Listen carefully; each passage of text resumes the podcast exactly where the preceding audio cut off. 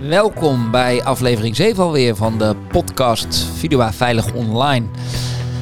Uh, ja, we zitten tegen de kerst aan en uh, ik zit hier weer met uh, Sander om te praten over allerlei ontwikkelingen op het gebied van veilig online handelen.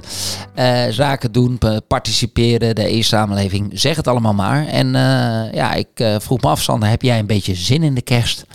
Ja, natuurlijk. Uh, dat wordt weer uh, uitleggen bij uh, wat voor moeilijke dingen ik allemaal doe. En dan begrijpend ja geknik terug, terugkrijgen. Heel beleefd. Heel beleefd. En dan toch snel over een ander onderwerp. Waar wij dan weer niks van weten. Oh ja. Ja, dat is goed. Maar um, nou, uh, laten we het anders dit uurtje nog eventjes gebruiken om uh, diepte in te gaan op uh, dingen waar wij wel ons hoofd elke dag over breken. Um, even over de podcast. gaat goed. we hebben vorige keer aangekondigd dat we lekker doorgaan. We hebben steady groei. wat ik jammer vond, we hebben nog geen hockeystick. Nou, waarom een hockeystick groeien? Dus dat je zo'n beetje exponentieel de hoogte ingaat. Dat, heb ik allemaal van die venture capitalists en zo. Die vinden dat heel belangrijk. Die zijn ook allemaal met een hockeystick opgegroeid, denk ik. En uh, om die dan toch te bereiken, wou ik iedereen vragen als goede voornemen, als je deze podcast luistert en uh, je vindt hem leuk, uh, dan moet je een beetje in dit veld zitten. Dus dan ken je vast ook nog minimaal twee anderen voor wie dit ook interessant kan zijn. En dan is mijn vraag, deel hem gewoon even actief via WhatsApp of een ander platform of Signal of het nieuwe Threads van Insta. En dan zeg je, hey, dit moet je echt even luisteren. Dat zou ons hockeystick kunnen helpen. Dus uh, dat als vraag aan de luisteraar. Um, we hebben ook een leuke gast in de pijplijn, kan ik al beloven. Dus uh, ik heb iemand uh, die graag wilde komen. En um, we hebben ook een vraag binnengekregen. Ja, dat klopt. We hebben het een aantal afleveringen terug gehad over die uh. De, ja. de gekwalificeerde website authenticatiecertificaten. En daar hebben we best lang over gepraat. Maar één ding dat we niet hebben uh, genoemd uh, dat op, die, op deze wereld best wel grote impact heeft gehad, is uh, Let's Encrypt. Ja, en de vragensteller die zei, je hoeft niet per se te zeggen dat ik uh, dit vroeg, maar die vroeg zich af, joh, waarom heb je het eigenlijk niet over Let's Encrypt? Waarom heb je dat helemaal niet genoemd? En ik moet zeggen, ik, voor mij ringde het een bel, ik kon het, kan het een beetje plaatsen, maar toen ik er iets langer over nadacht, dacht ik van, oh ja, ja, eigenlijk was het wel relevant geweest. En jij weet er ook veel van, Sander, dus eigenlijk bijzonder dat we dat niet genoemd hadden. Dus daar had die gebruiker gewoon, of die luisteraar, die had daar uh, uh, gelijk in.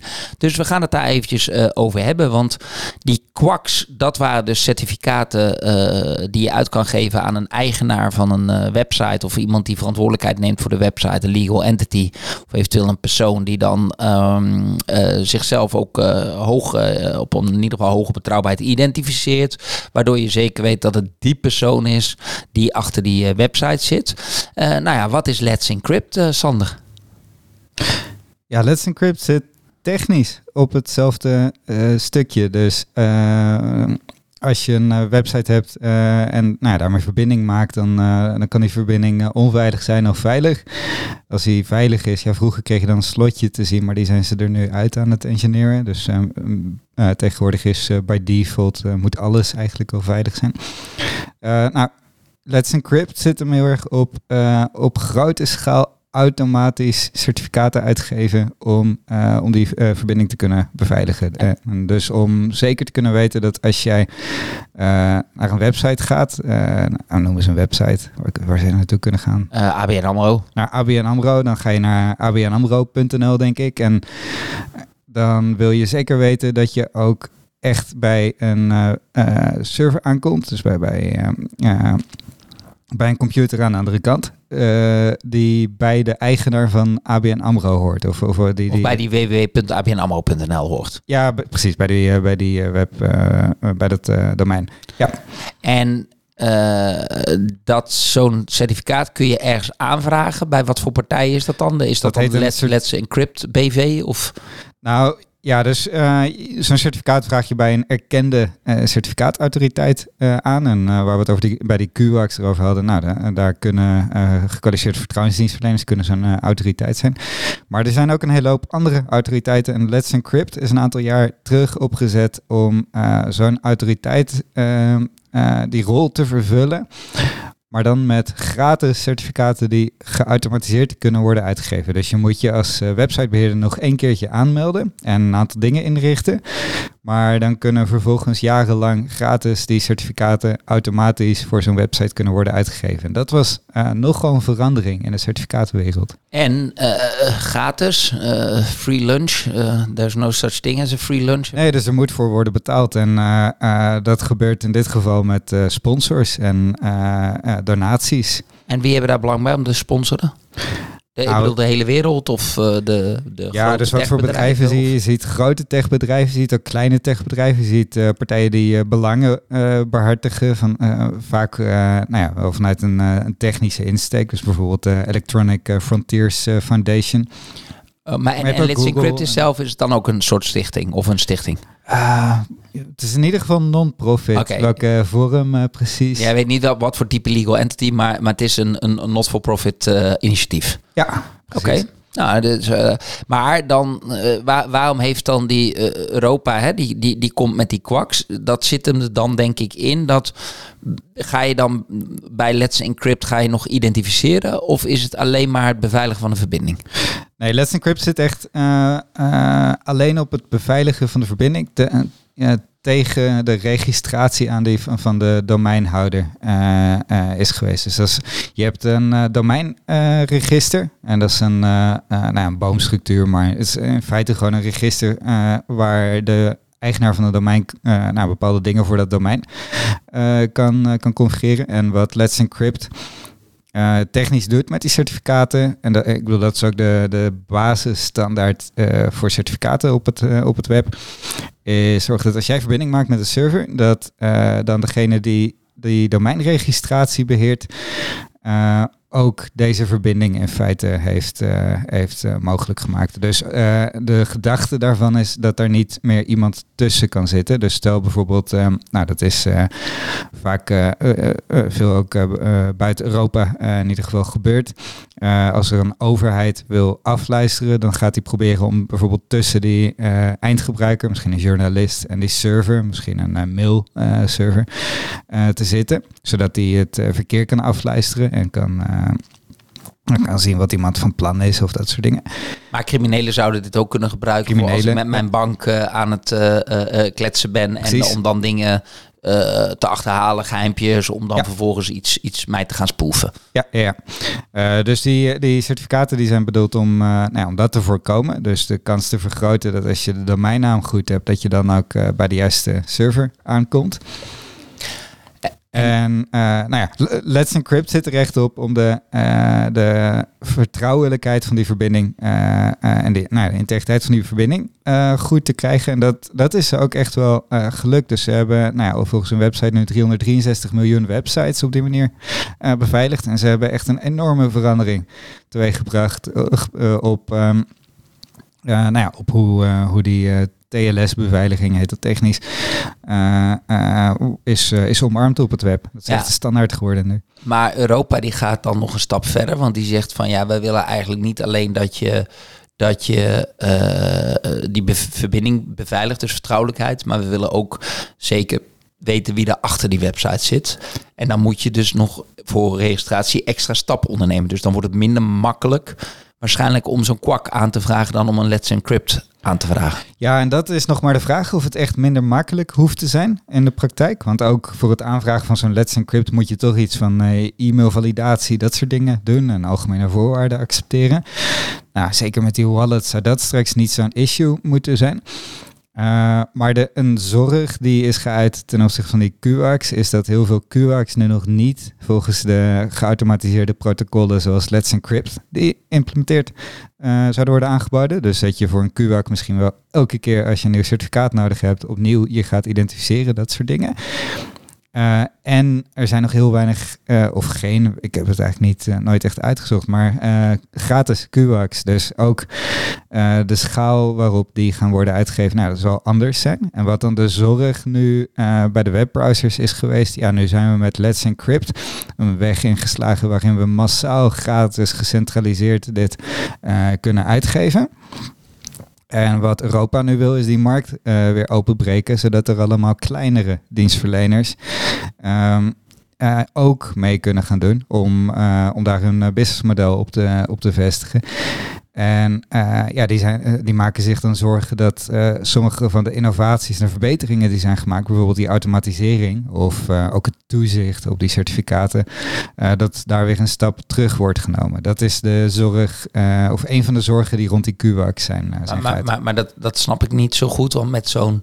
Kijk, het kan zijn dat je zegt van, ik bedoel, als de overheid het verplicht dat je zo'n kwak op je website moet hebben, dan kan het zijn dat je zegt, ja daarmee worden er eh, eh, wat minder snel nieuwe websites gemaakt. Want mensen die, die of, of internetdiensten, want mensen willen die stap niet nemen. Maar zodra ze zo'n kwak hebben, zijn ze wel zeker net zo veilig als, als met Let's Encrypt. We weten ook wie erachter zit. Ja, zeker. Ja, dat is de gedachte. Alleen uh, bijvoorbeeld iets wat, wat bij website certificaten geldt, is je moet. Ehm, uh, als je op zo'n grote schaal opereert en stel er uh, is een, uh, wordt een kwetsbaarheid bekendgemaakt, dan wil je misschien wel heel snel al die certificaten kunnen vervangen. En dat krijg je eigenlijk op die schaal alleen voor elkaar als je daar enige mate van automatisering kan toepassen. Hey, e-, even dan twee, want dat vind ik interessant. Gaan we nog zo even kort over hebben. Eén vraag die bij mij nog tussendoor opkwam is: wie houdt dan weer toezicht op Let's Encrypt? Want, want als daar dan de boel niet helemaal goed uh, ingericht is. Of mensen zitten dan, dan, dan zijn we eigenlijk op een, even een, op een hele grote schaal een malicious uh, partij. Uh, weet je dat toevallig? Ja, dus ik, hoe het toezicht binnen Let's Encrypt als non-profit wordt, wordt gedaan, weet ik niet precies. Let's Encrypt doet wel ja, gewoon mee aan dezelfde, hetzelfde browser toezicht als momenteel alle andere CA's die, die op het web worden erkend. Dus in principe zou, zou een browser ja, het vertrouwen in Let's Encrypt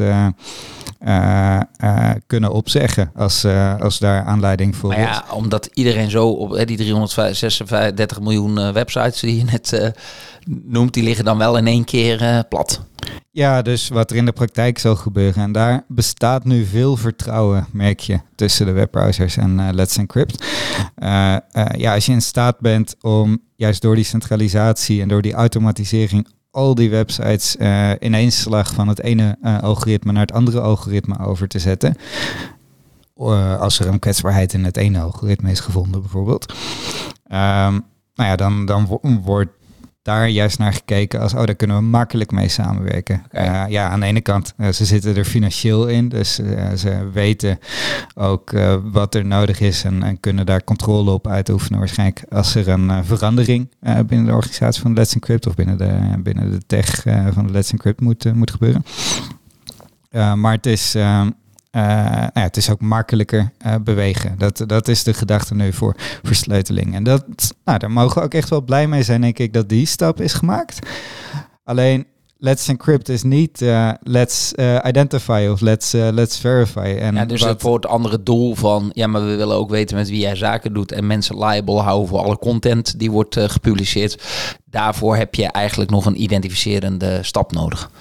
Ja, en... Um, nou, daar is in Europa nu uh, toch duidelijk de keuze gemaakt om uh, te zeggen, ja, maar dat willen we ook op het web. Dus, uh, en niet eens verplicht stellen. Dus er staat nergens dat je moet stoppen met automatiseren of stoppen met Let's Encrypt gebruiken en dan iets anders moet gebruiken.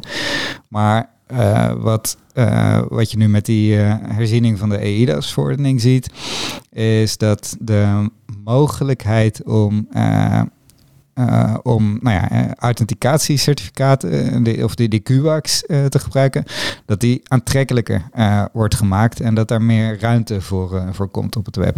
Ah, Oké, dus, dus, nou ja, dus dan is dat eigenlijk een, een aanvullende complementaire beveiliging naast Let's Encrypt. Nou ja, en wat ik hoop te zien is overal de samenwerking waarmee we ook die, ja, in zekere zin nog veiligere QWAX uh, op dezelfde mate kunnen gaan automatiseren en op dezelfde mate ook toezicht op schaal uh, daarop kunnen gaan inrichten. Uh, en als je dat dan met een diverser aantal leveranciers uh, kan regelen, denk ik dat je alleen maar een uh, robuuster web aan het maken bent. Ja, even, eigenlijk zat ik te denken, is wat jij met de wallet ook nu aan het doen bent. Hè? Jij gaat ook met die wallet dat je hem, de Vidua app kan downloaden en dat je dan met die mooie, hele sterke crypto van jou kun je hem als two-factor authenticatie gaan koppelen aan accounts straks. Dat, dat betekent dat je eigenlijk je vertrouwelijkheid aan het uh, beschermen ben. En dan kun je daarna uh, uh, je ook vanuit die wallet nog registreren. Dus identiteitsattributen bij ons gaan laten verifiëren.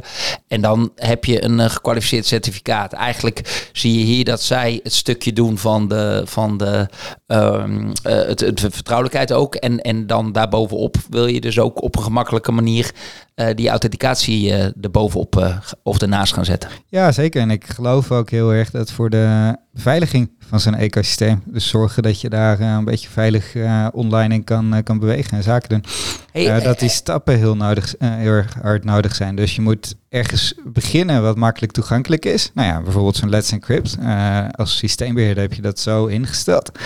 Maar als je eenmaal die techniek goed hebt ingericht, kan je vervolgens gaan upgraden. Kan je daar steeds uh, betere maatregelen met diezelfde technische lijntjes uh, uh, nemen. Dus dat is al met al een goede verbetering. Dus blij dat Let's Encrypt er is. Jij zei net ook iets over die grote schaal van, um, zeg maar, op, op, op grote schaal controleren. Is dat ook die certificate transparency waar ze het wel eens over hebben? Ja, dus dat, uh, nou dat past, uh, vind ik, heel erg in eenzelfde beweging als met Let's Encrypt uh, is genomen.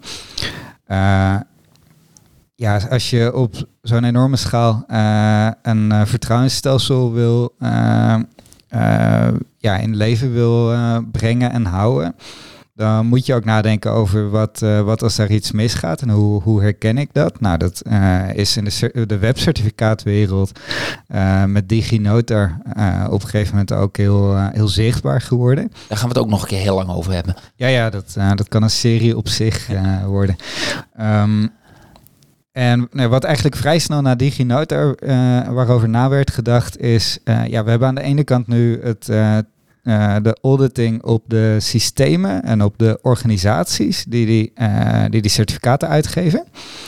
En uh, dat, is ook, nou, dat is ook belangrijk om, om, om dit in te richten. En, nou ja, nou ja, zeker als, als bootstrap, maar eigenlijk continu moet je, moet je dit blijven doen om te zorgen dat je zo'n ecosysteem in stand houdt en steeds veiliger maakt. Dus dat je ook de audit op de processes hebt. Hè? Luister naar onze vorige podcast. Hè? Security is a process, not a product. Exact. Alleen, um, het kan toch misgaan. En uh, dat is ook, ja, dat is ook helemaal niet de pretentie dat je dat met een audit kan, uh, kan voorkomen of met, uh, met een techniek inrichten. Ja, dat moet je soms, uh, of nou, daar zitten gewoon risico's en die kunnen zich soms manifesteren. En dan moet je uh, dingen inrichten hoe ga je daarmee om. Dus uh, heel concreet met die webcertificaten is eigenlijk het grote risico misissuance. Dus uh, lukt het een aanvaller om namens een andere website een certificaat uit te laten geven voor mijn server of voor, mijn sleutels, zodat ik uh, tussen jou als bezoeker en die website kan gaan zitten en nou, kan afluisteren of inhoud kan veranderen. En bij de webcertificaatwereld werd toen de vraag gesteld, ja, hoe stellen we nou uh, websitebeheerders, maar ook uh, nou ja, gewoon mensen of organisaties die toezicht op dat hele systeem willen houden. Hoe stellen we die in staat om te herkennen als er iets verkeerd is uitgegeven? Oké, heel snel uh, dat, dat te vast te stellen. Dus meteen ja. eigenlijk een early warning van... Ja. oh shit, uh, hier, gaat, hier is iets misgegaan... en dat dat Precies. meteen een rood lampje gaat branden. Ja, want stel je zou volledig leunen op iemand... op een auditor die elk jaar langskomt... nou ja, dan zou je zeker op die schaal niet kunnen verwachten... dat hij uh, al die certificaten gaat controleren. Want dan is hij gewoon meer dan het volle jaar bezig... op een gegeven moment als je naar die schaal kijkt. Dus um, wat ze hier hebben bedacht is... Certificate transparency. Weet je wat? Als we nou al die publieke certificaten in een log zetten. Gewoon in een publiek log waar iedereen bij kan. dan kan die websitebeheerder in de gaten houden of er certificaten voor zijn website of haar website uh, worden uitgegeven. Uh, dus die kan het herkennen als dat gebeurt op het moment dat diegene daar uh, helemaal niet om heeft gevraagd. Of bijvoorbeeld als het wordt gedaan door een certificaatuitgever die die helemaal niet kent.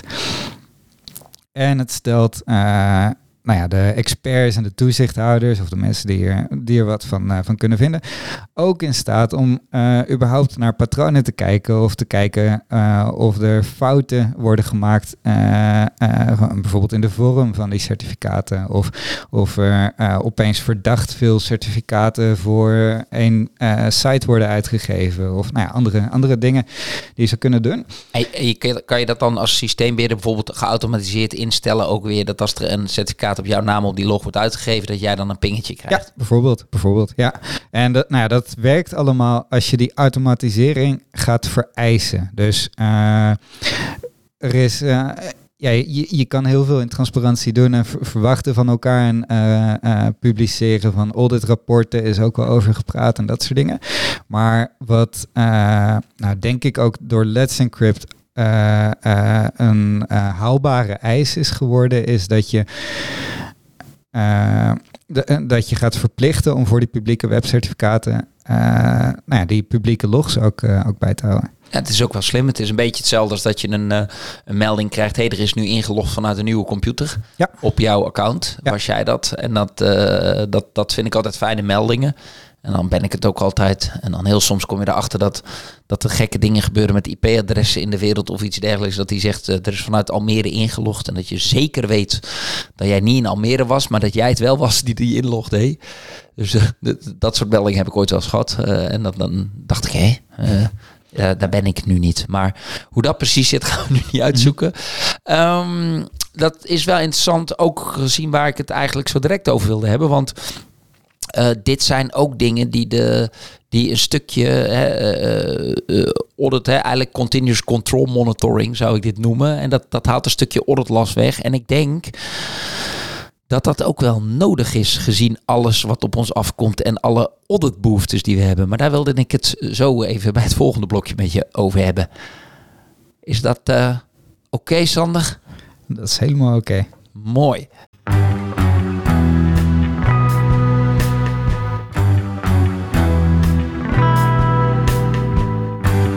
Sander.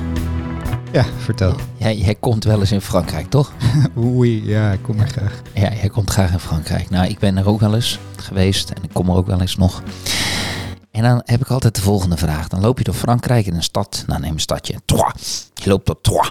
En dan loop je door zo'n winkelstraat. En wat mij nou altijd opvalt, dan heb je heel veel van die... Uh, van die bakkertjes. Een patisserie heet die volgens mij. Ja, ja, en de boulangerie. De boulangeries ja. en patisseries. En dan, maar dan, dan heb je ook heel veel van die uitgestalde taartjes. Heel veel taartjes, heel veel verschillende taartjes ook. Precies, verschillende taartjes in en dan een winkelstraat, 150 meter, misschien wel vier van dat soort winkeltjes.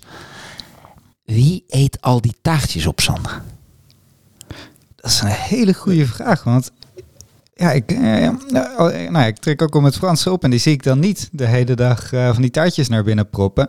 En als je een beetje daar op straat loopt, ja, dan zou je ook niet zien aan de breedte van de gemiddelde uh, Fransoze, Française dat, uh, dat die er allemaal in zitten. Dus het, het zijn vaak, het, eh, ja, oké, je hebt natuurlijk de, het kleine Franse mannetje of mevrouwtje, maar je hebt, je hebt heel veel vrije uh, Fransen ook, toch? Bedoel, ja, dus niet dat ze daar ja, ja. Uh, met, met de diabetes type 2 allemaal over straat strompelen in de scootmobiels rijden. Maar wie eet ze dan nog? Ja, dat weet ik dus niet. Maar ik vroeg me dus ook af, zijn ze dan, zijn ze dan van... Uh, van, van plastic of zo? Of, of, of is er een soort uh, geheim proces waar, waar dan... Uh, nee, zeker. Ik, ik neem wel eens een steekproef. Voor, van. Dat kan ook, hè, dat het dan die ganzen geven. Nee, maar ik bedoel, als je het over auditing hebt, ik neem wel eens een steekproef en dan, dan neem ik één zo'n taartje. En dat is zeker niet van plastic. Oh, ja, die worden gewoon uit dezelfde etalage gehaald. Dat is een steekproef, uh, heb jij... nee, dus... Nou, dat, en de, waarom ik daar aan dacht, uh, is hè, wel, oh, want mensen denken, wat heeft het nou met veilig online te maken? Ik, ik, ik bedoel, dit gaat mijn idee over. Ik heb altijd het idee dat er ergens een soort bulk is die moet verwerkt worden, wat, wat onmogelijk is, krijg ik daarbij.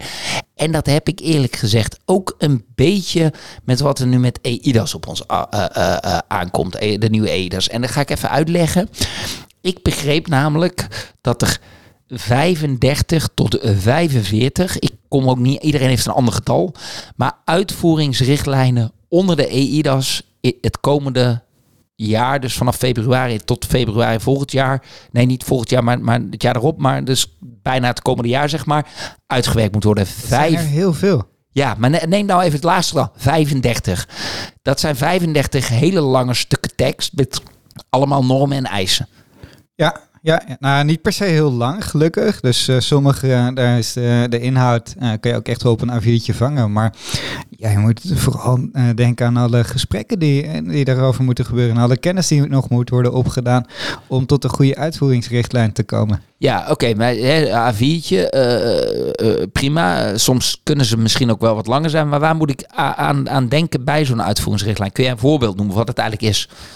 Nou, eentje die uh, in de gekwalificeerde handtekeningen heel belangrijk is, is, uh, ik ben het nummertje even kwijt, maar um, daar is, uh, dat is dan een uitvoeringsrichtlijn en daar staat dat in ieder geval publieke instanties verplicht zijn om specifiek, een aantal specifieke standaarden voor die handtekeningen. Nou, dat, is, dat zijn dan Europese standaarden van ETSI.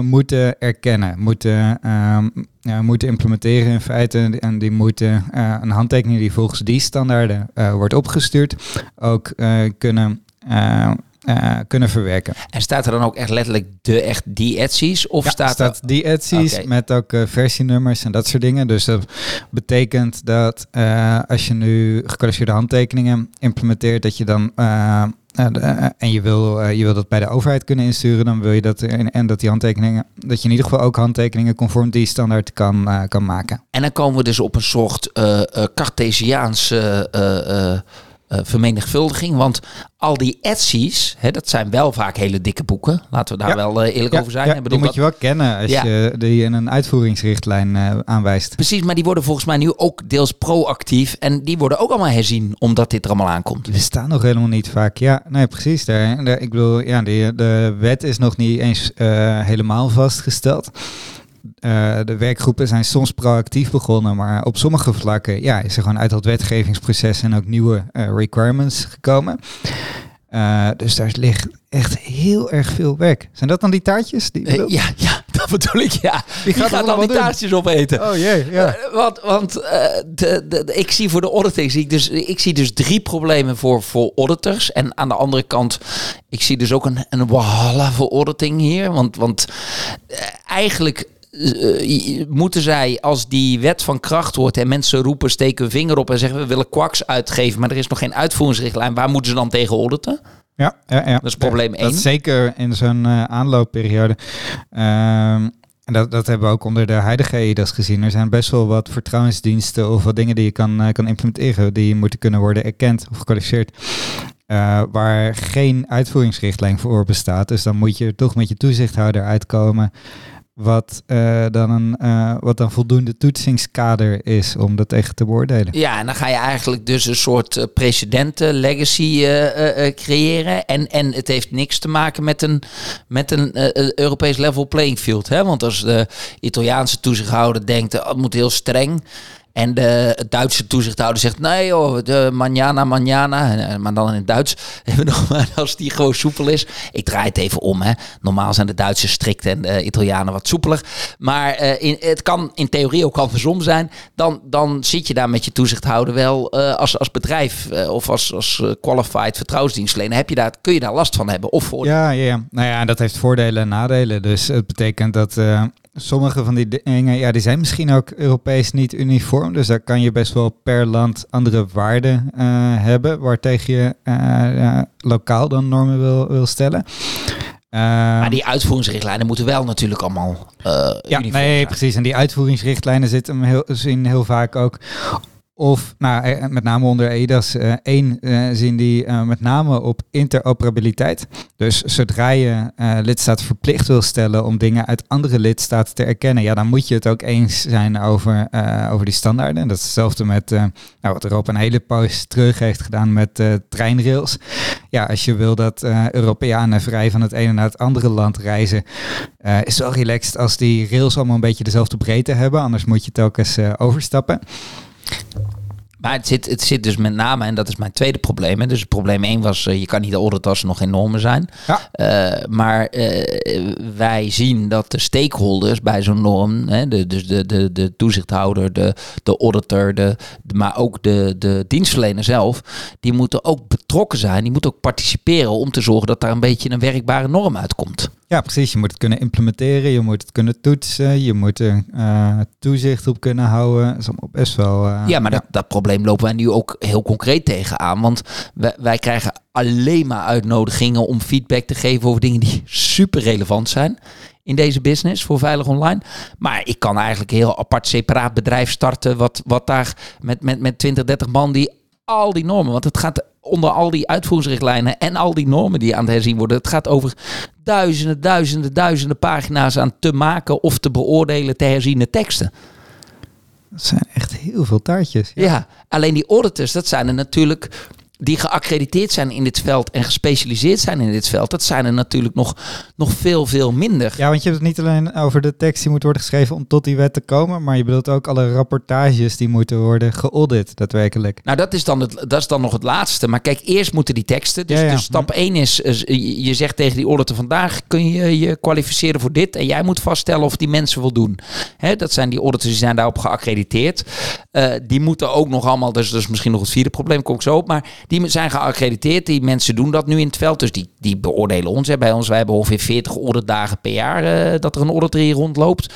Um, en die kijkt dan of wij aan, aan die spelregels voldoen. Maar uh, stap 1 is, die spelregels zijn er nog niet. Die gaan we maken. Maar bij het maken van die spelregels, let het nogal nauw. Uh, auditability is zo'n kwaliteit van een norm. Het moet wel te controleren zijn. Als jij een te open norm wegzet, dan zegt die auditor, ja, hoe kan ik dat nou vaststellen? Als jij een te strikte norm wegzet, dan uh, vinden de bedrijven dat niet, vaak niet fijn. Dus je moet dat met elkaar, moet je hè, uitkomen wat nou goede normen zijn om de risico's te mitigeren. Ja. Dat vraagt participatie en bijdrage aan al die teksten die nog moeten realiseren. Maar ja, je bent ook aan het auditen gewoon, want wij moeten ook gewoon dit jaar nog komend jaar geaudit worden. Ja. En je moet mee gaan kijken. En dan komt uh, uh, inderdaad die laatste die jij volgens mij net bedoelt, überhaupt de auditcapaciteit. Dat, dat, dat straks allemaal bedrijven zeggen, hey, we gaan die markt maken. Oh, ik heb ook een wallet en ik heb dit en ik heb dat en ik wil kwaks uitgeven. En die moeten allemaal geaudit worden. Ja, die vind ik het spannendst. Want wat je dus in de herziening van de EIDAS hebt uiteindelijk, stel we krijgen dat allemaal ingericht en beschreven en uh, genormeerd. Uh, ja, dan heb je straks heel veel extra organisaties die bijvoorbeeld gekwalificeerde attesteringen willen uitgeven of een andere rol. Die, nou ja, sowieso heel veel lidstaten die wallets moeten uitgeven of erkennen.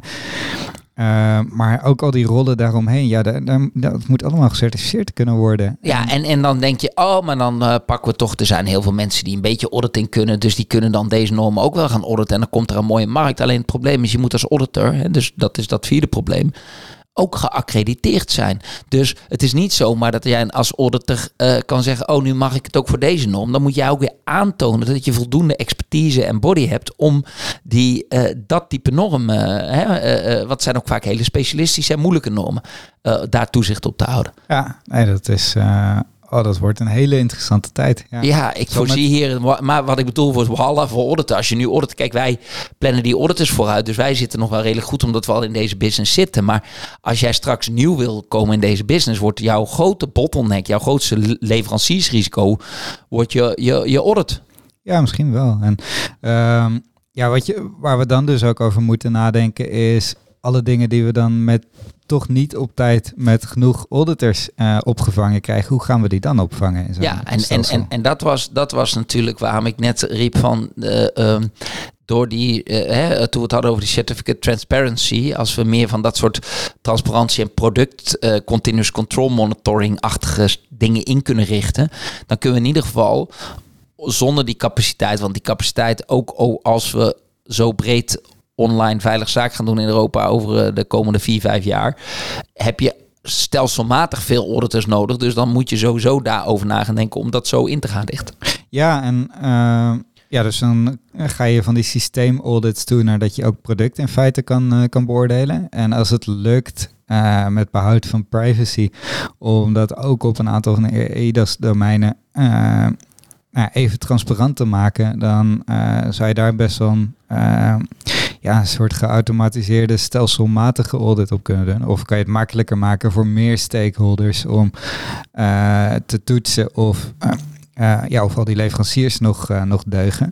Ja, ik dacht, ik dacht even dat je ging zeggen, we moeten erover nadenken om geen auditors te worden. Maar dat, ah, ik, ik, weet heb, ik heb ooit de opleiding de, de, de, vakantie gelezen. Precies, ik heb de auditopleiding gedaan. Uh, dus ik, zou, ik zit er al dicht tegenaan.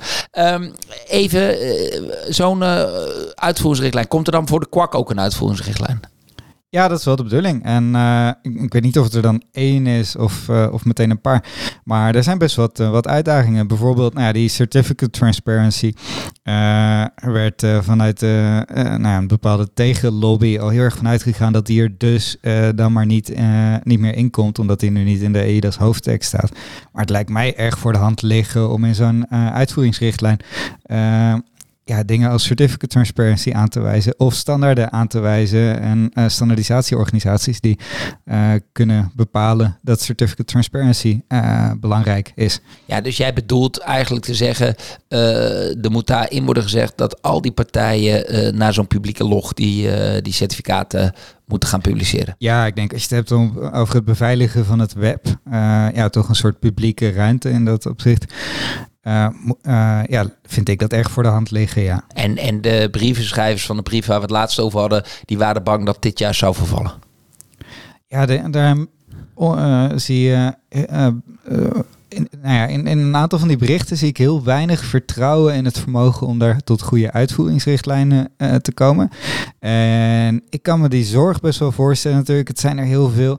Maar je, je ziet ook wel dat er heel veel expertise tegenaan wordt gegooid. En dat er echt wel verstandige werkende uitvoeringsrichtlijnen tot nu toe uit zijn gekomen. Ik bedoel, heel veel in Europa werkt uh, best wel goed. En heel veel onder de EIDAS momenteel werkt ook best wel goed. En dat is, nou, die, die dingen zijn helemaal niet zo gek uh, ingericht. Ja, maar ergens snap ik, kijk, ik snap wel een beetje de, de angst, omdat wat je bij de euro bijvoorbeeld hebt gezien, is dat we allemaal dachten van, oh ja, dan moeten we een één monetaire unie maken. En dan moeten we allemaal die begroting een beetje onder controle hebben. Want anders dan krijg je hè, voor, een, voor een goede optimum currency area is het uh, heel vervelend als het ene land een hele andere monetaire politiek heeft, zeg maar, uh, dan, dan de ander. Hè. Dat kan niet meer. Dus dan, nou, dat kan allemaal uit het lood gaan. En daar hadden we allemaal toezichtrichtlijnen voor nodig. En dan moest dat toezicht goed richten. Maar dan zeiden ze, nou weet je wat, dan is hartstikke goed. We hebben één monetaire unie laten we starten en, en dan richten we daarna dat toezicht wel goed in. Ah, dat is het uh, agile wetgeving. Ja, en we weten allemaal dat daar op een gegeven moment het een beetje gestokt is. Wat uiteindelijk in 2008, denk ik, aan boven leidde tot die enorme uh, uh, crisis in de, in de euro-landen met Griekenland destijds en zo. Nou, ja, dan is het belangrijk om daarvan te leren in zo'n EDAS, EDAS 2-stelsel. Ja, want daar, daar ben ik zelf, hè, want ik ben daar zelf wel, ik, ik snap het wel, ik ben wel een beetje bang als ik de workload zie. Dat we inderdaad een, een want dat is het gevaarlijke, dat je een vacuüm krijgt, dat je wel allemaal al uh, je kan gaan registreren. Dat uh, ambitieuze landen denken, oh we willen hier onszelf profileren. Dus uh, laten we zo snel mogelijk bedrijven uit ons land als een, een kwak dit en een, een nieuwe vorm van qualified attestation registreren. Maar dat toezicht is eigenlijk nog onvoldoende uitgewerkt en in place. Te weinig audit en dat er dan allerlei gedoe gaat ontstaan. Ja, misschien, maar daar, daar komt dan toch een beetje, nou is niet mijn tech-optimisme, maar mijn beleidsoptimisme misschien naar voren. Ja, weet je, de, eh, kijk naar EDAS 1. Uh, er is superveel uh, interesse natuurlijk en potentieel in, in die markt. Maar de adoptie zal ook weer niet zo onwijs snel gaan. Uh, dat je meteen binnen die twaalf maanden al uh, opeens honderden of duizenden partijen hebt die het ook daadwerkelijk geïmplementeerd hebben en willen gaan het opzetten. Uh, überhaupt van dit soort dienstverlening. ja, dat is best wel duur, maar duurt ook vooral best wel lang. Dus uh, ja, het is spannend. Krijg je het allemaal op tijd uitgegeven? Ik, ik denk een hele belangrijke maatregel in zo'n uh, uitvoeringsrichtlijn. Uh, zeker als het gaat om beveiliging van het web, is dat je niet zozeer de standaarden bevriest en aanwijst, maar dat je vooral ja, richtlijnen geeft of, of besluit hoe het stelselbeheer moet gebeuren. En dus eigenlijk hoe continu uh, die standaarden moeten worden herzien en, en gekozen. Maar even eh, voor, voor de mensen dus.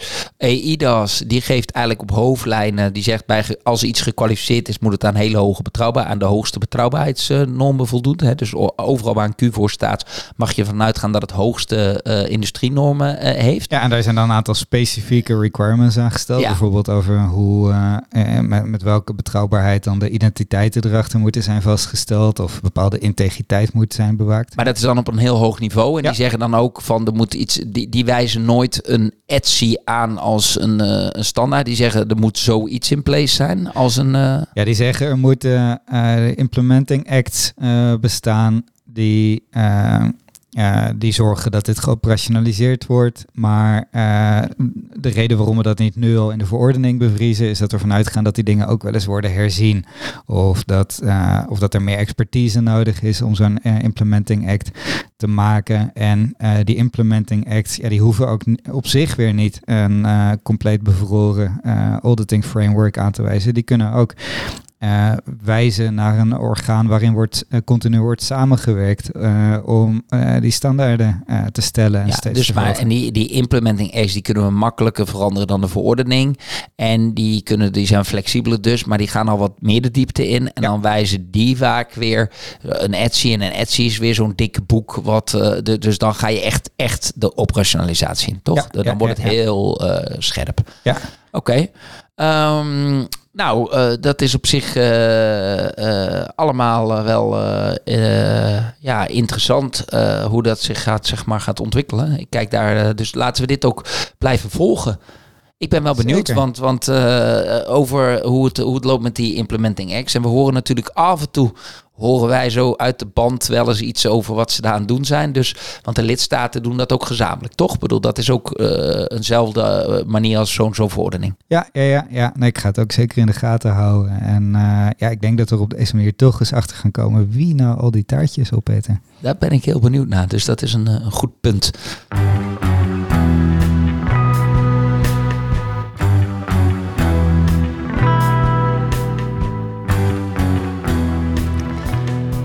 Nou, dat was weer een eh, heel eh, verhaal.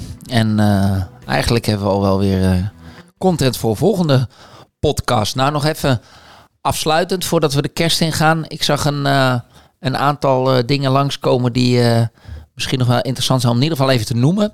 Ehm, eh, het eerste wat ik zag is dat eh, Instagram nu een soort threads heet het toch? Een soort Twitter heeft. Threads, X, een nieuwe X. Maar ik weet nog niet, moet je nou met een, een T schrijven, threads, of met een D? Daar gaan we achterkomen. Ja, ik heb, daar geen, ik heb er geen idee van. Ik zag alleen maar dat het, eh, door, het werd door iemand eh, doorgestuurd. En ik had al natuurlijk wel gelezen dat ze met zo'n alternatief zouden komen. Wat jij zei is, ja, al die partijen hebben andere trustmodellen.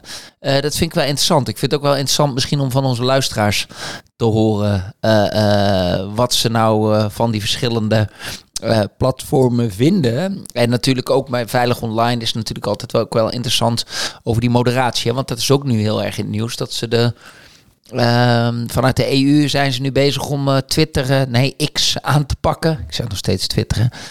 Eh, om X aan te pakken, om, omdat ze niet genoeg zouden modereren. Toch? Dat, Ja, dus eh, wat ze in de Digital Services Act zeggen is, ja, als je zo'n groot platform hebt, heb je ook een maatschappelijke ver- verantwoordelijkheid. Ehm, en dan eh, ja, moet je risico's gaan beheersen en dan moet je je ook gaan verantwoorden aan de maatschappij hoe je dat doet. ja, en die hebben ze eh, onvoldoende genomen, is het idee. toch? Mogelijk, ja, gaan we zien. Gaan, gaan we zien. Ga jij threads gebruiken? Ja, ik wil het op proberen. Ik, eh, ik, ben, eh, ik ben ze allemaal gewoon aan het proberen. Ik ben heel benieuwd wat die verschillende manieren om naar identiteit eh, te kijken of om naar moderatie te kijken, ja, wat dat oplevert. En je ziet ook wat voor doelgroepen dan naar wat voor platforms gaan. Ik Ja, heel voor, voor, voor mensen, de, hè, want ik ken eigenlijk zelf alleen maar X en eh, dan dat, dat Threads, weet ik dat dat bestaat. Dan ken ik nog iets van Mastodon, heb ik wel eens gehoord. Dat is een soort... Mastodon heb je, Eh, ja, maar Mast- je hebt ook eh, dingen met, eh, ik weet niet eens hoe het uitspreken, Noster, Noster. Ja? Eh, dat, dat zit dan eh, wat meer in de anarchistische hoek. Zit de oude oprichter van Twitter is daar ook heel enthousiast over. Oké, en eh, nou ja, dus eh, eh, ik heb... Blue Sky heb je nog. En het valt mij- Zo'n Twitter. Je hebt, je hebt er heel veel. Maar het valt mij op dat ik nog nooit in een nieuwsbericht heb gelezen. ehm, eh, op Mastodon werd dit gezegd. Ja, alleen maar toen het net gepubliceerd werd, maar nu niet. Toch? Je ziet altijd X, het voormalige Twitter. Dat zie ik eigenlijk al heel vaak. Ja, X-voormalig Twitter. Ja, lange ja, naam. Ja, zeker. Ehm, Oké, dus jij gaat proberen. Ik ga er denk ik ook eens even naar kijken. Ehm, en eh, ja, wat ik zeg, ik vind het eigenlijk ook wel leuk als, eh, als luisteraars hun mening hierover zouden geven. Die er ervaring met die verschillende platformen hebben. En als je er heel veel emotie bij hebt waarom eentje het zou moeten worden, hoor ik dat natuurlijk ook heel graag. Ehm, dus dat, nou ja, verder zag ik eh, wat nog wel interessant is dat de very large Online platforms. online platforms die 18 plus content leveren. Ja, dat is de tweede ronde aan vlops. Die, eh, die zijn eh, gemarkeerd door de Europese Commissie. Die moeten, want dat is het hè. Dus als je die, wat doen, moet zo'n flop doen? Wat is dat? Ja, die moet, eh, die moet dus die maatschappelijke verantwoordelijkheid nemen, zoals X voormalig Twitter dat moet. Ehm, en dat zit op allerlei dingen. Nou ja, als je het over die 18-plus sites hebt, gaat het ook over, ja, wat doet dat met onze kinderen? Daar moeten ze verantwoording over gaan afleggen. Maar wat ze ook moeten, en dat is vanuit de online vertrouwen eh, heel interessant, is eh, straks die Europese identiteitswallets accepteren. Zeker, zodat dan de eh, persoon ook zich kan identificeren. Volgens mij is in Frankrijk al ook verplicht dat je je 18 plus aantoont. Oh, dus dat je niet alleen maar het vinkje ik ben 18 plus, eh, wat je misschien eh normaliter doet, maar eh, je moet dan ook echt de, de, de 18 plus laten verifiëren. Wat ik ook interessant vond, op, als we het toch over 18 plus hebben, is dat voor goksites de speel online speellimiet volgens mij nu naar 700 euro per maand of zo gaat. En hoe ze dat, daar zag ik nog wel Hoe ze dat gaan interessant. controleren. Ja, ja, nou ja, dan zou je eigenlijk een maandelijkse token van 700 euro in je wallet moeten krijgen. Ja, of een eh, gekwalificeerd eh, elektronisch grootboek misschien eh, willen kunnen Ja, bevragen. misschien is, zie ik hier voor het eerst een use case voor een gedistribueerde ledger. Het zou zomaar kunnen.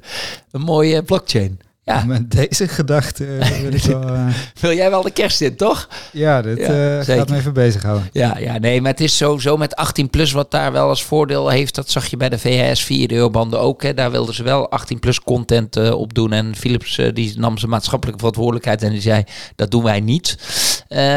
Daar zag je dat dat in één keer die VHS standaard een enorme boost gaf. Dus dat zou ook zomaar voor die vertrouwensdiensten van ons kunnen zijn. Ja, nee, het is duidelijk dat de eurocommissarissen hier, eh, hiervan hebben geleerd. Ja, ja, zeker. En dat ze er ook zelf waarde aan hechten dat ze veilig en anoniem, veilig geanonimiseerd in kunnen loggen bij eh, 18 plus content.